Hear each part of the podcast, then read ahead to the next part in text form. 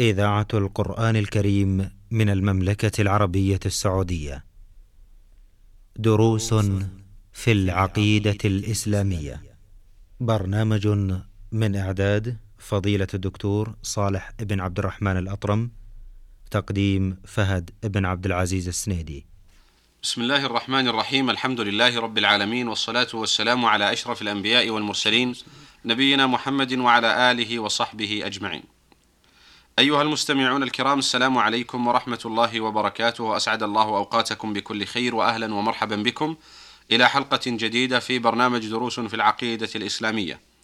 بداية نرحب بضيف اللقاء الشيخ صالح بن عبد الرحمن الأطرم فأهلا ومرحبا بكم يا شيخ صالح. حياكم الله وفق الله جميعا ما يحب ويرضى. حياكم الله لا زلنا وإياكم أيها المستمعون الكرام في باب ما جاء في الرقى والتمائم قال المؤلف رحمه الله تعالى وروى أحمد عن رويفع قال قال لي رسول الله صلى الله عليه وآله وسلم يا رويفع لعل الحياة ستطول بك فأخبر الناس أن من عقد لحيته أو تقلد وترا أو استنجى برجيع دابة أو عظم فإن محمدا بريء منه. هذا الحديث الذي أورده المؤلف في هذا الباب باب ما جاء في الرقى والتمائم. ألفاظه وخصوصا قوله من عقد لحيته أو تقلد وترا نود أن نستوضح بعض هذه الألفاظ فضيلة الشيخ بسم الله الرحمن الرحيم. الحمد لله وصلى الله وسلم على نبينا محمد وعلى آله وصحبه أجمعين.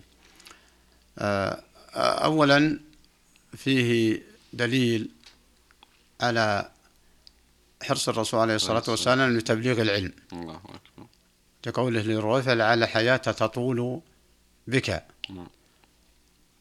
فدل هذا على حرص الرسول لتبليغ السنة. فأخبرهم نعم. بهذه الأمور ثم طالت حياته أيضا فضيلة وطالت حياته. الله أكبر. هذا في علم من أعلام النبوة. على من علام النبوة. وت- لأن عليه الصلاة والسلام قد قال عن شيء آه. يعلمه. الله أكبر. و وفيه دليل على آه، حرص المسلم بنشر العلم. لأن الرسول حث على أن يبلغ أن يبلغ ما سمع. وفيه دليل على حرص الرسول عليه الصلاة والسلام على المسلم ليبعد عما يخل بالعقيدة. وما قد يحدث له شركا بالله. فمن البدع نعم. عقد اللحية. ولهذا جاء الوعيد لهؤلاء الثلاثة. الأولى الصفة الأولى عقد اللحية. مم. وعقد اللحية هذا صفة من صفات المجوس. وهو تفتيل يفتل جوانب شعر لحيته. والسنة أن تترك اللحية بدون فتل. ولا مانع من تصليحها و ودهن وتصليحها عن الشعث. ليس معناها أن يوقيها شعث غبراء وإنما التفتيل الذي يشبه فعل المجوس. وفي حرص الرسول عليه الصلاة والسلام لإبعاد أمته عن مشابهة نعم. غير المسلمين. هذا عقد اللحية. كانوا يفعلونه كبرا وعجبا في الحب و... أحيانا. و... ويفعلونه كبرا نعم. وعجبا ومخالفة. نعم. ومخالفة. والمسلم منهي عن عن موافقة غير المسلمين. نعم. نعم. والثاني تقلد وترا وهذا سبق تحدثنا. من تعلق وترا وهذا الشاهد. نعم. هذا الشاهد للباب. وتعلق الوتر ينيط به النفع جلب نفع أو دفع الضر. والوتر ما يعلق على البهائم كما تقدم. نعم.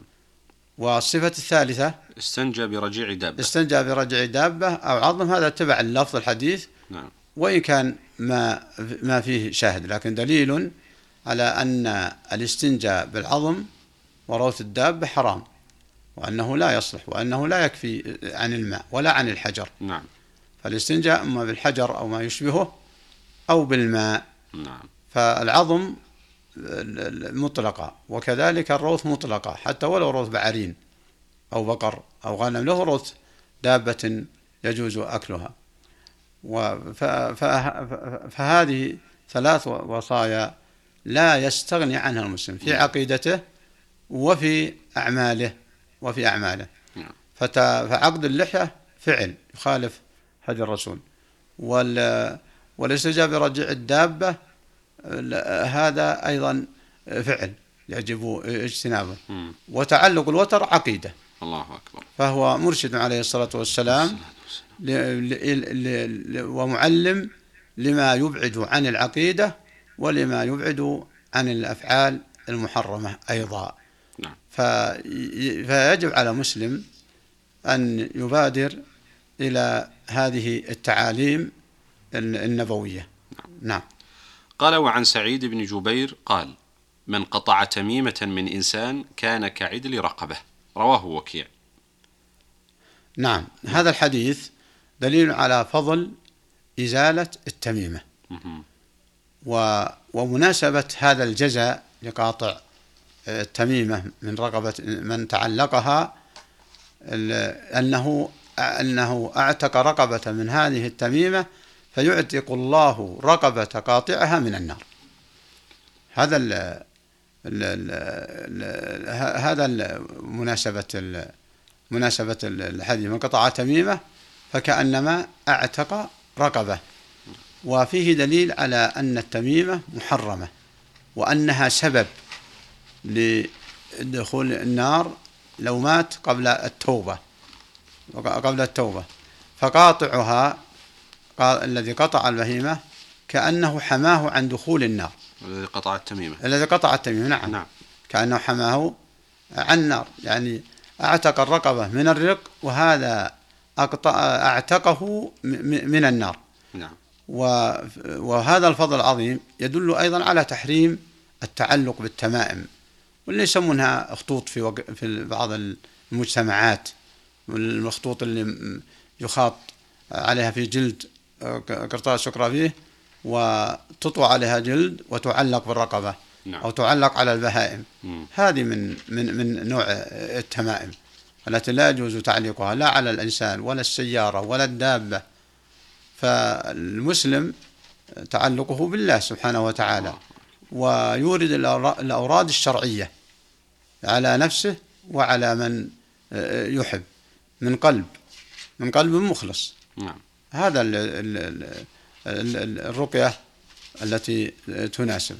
فليحذر المسلم من التمائم. نعم. وليعلم وليتحقق فضل إزالتها ممن رآها عليه كما في هذا الحديث فكأنما أعتق رقبة. وهذا في دليل على فضل عتق الرقاب الأرقاء. نعم.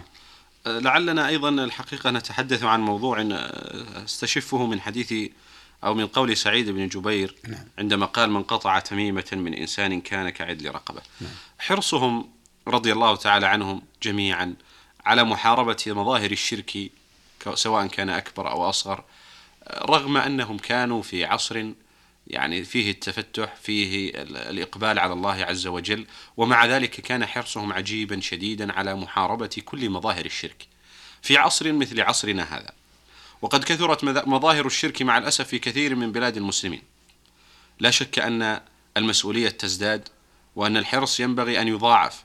وقد من الله سبحانه وتعالى على هذه البلاد بأئمة الدعوة ابتداء من الإمام محمد بن عبد الوهاب رحمه الله الذي جند نفسه لمحاربة مظاهر الشرك.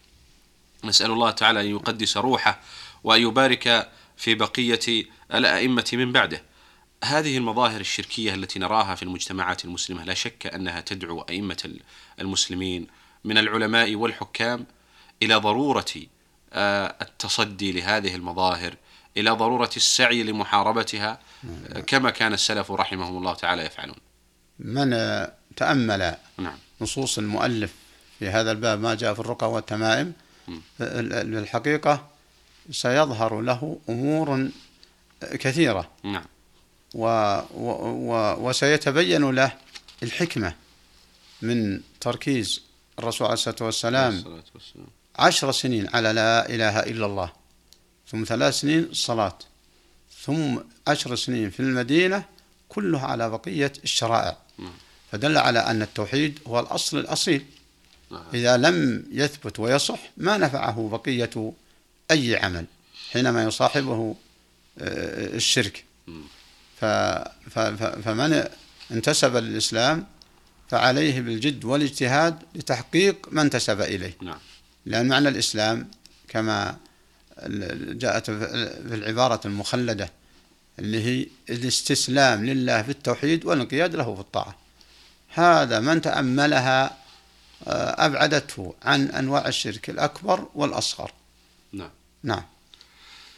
قال وله عن إبراهيم قال كانوا يكرهون التمائم كلها من القرآن وغير القرآن. نعم هذه حكاية نعم. عن إبراهيم النخعي وهو أحد السلف أحد التابعين. مم. آه، رحمه الله. وهذه الكراهة ينسبها لأصحاب ابن مسعود. رضي الله عن الصحابة وعن أتباعهم. مم. يكرهون التمام أي تعليقها. والكراهة هذه أطلقت على التحريم.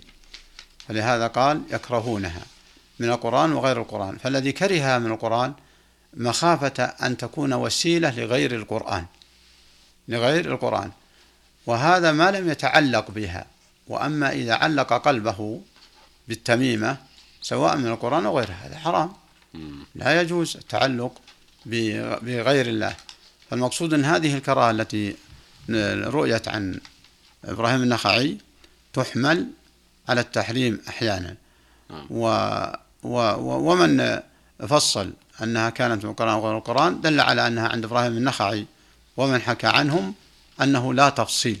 نعم. وليس معنى هنا كراهية التمام أنه لا يرقى بالقرآن فتقدم وأكدنا عليه عليه مدة آه، مع الحلقات الماضية نعم. أن الرقية مباشرة عليه على الإنسان نفسه أو أحد يرقيه غير تعليق التميمة وهي ما تجعل في خطوط أو تجعل في خيوط أو تجعل في شيء يناط يربط بالرقبة. فالتميمة آه، على حسب هذا الأثر الذي حكاه إبراهيم ممنوعة مطلقا مطلقا يعني يكرهون التمام كلها من القرآن وغير القرآن. فالقرآن ليس تعظيما في تعليقه في الرقبة وامتهانه في دخ- دخوله في الحمام وعند قضاء الحوائج. القرآن تعظيمه عقيدة في القلب ونطق باللسان في المن... في في, ال... في عن عزم عن عزم و... وتلاوة له وورد به أوقات الأوراد وفي المس... الصباح والمساء وعند النوم والأذكار أذكار الصباح وأذكار المساء. هذا الذي ينفع بإذن الحي القيوم. نعم. نعم. شكر الله لكم يا شيخ ونسأل الله تبارك وتعالى أن يوفق الجميع لكل خير. كما نسأله سبحانه وتعالى أن يردنا والمسلمين إلى الحق ردا جميلا وأن يثبتنا وإياكم والسامعين على الحق وأن يجعلنا وإياكم من المتبعين لهدي نبيه صلى الله عليه وآله وسلم السائرين عليه إنه جواد كريم. أيها الإخوة المستمعون في الختام تقبلوا تحية زميلي يحيى عبد الله من الهندسة الإذاعية. حتى نلقاكم مع درس قادم من دروس العقيدة بإذن الله والباب القادم سيكون باب من تبرك بشجر أو حجر ونحوهما فكونوا معنا إذ ذاك. نستودعكم الله. والسلام عليكم ورحمة الله تعالى وبركاته.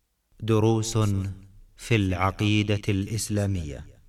برنامج من إعداد فضيلة الدكتور صالح بن عبد الرحمن الأطرم تقديم فهد بن عبد العزيز السنيدي.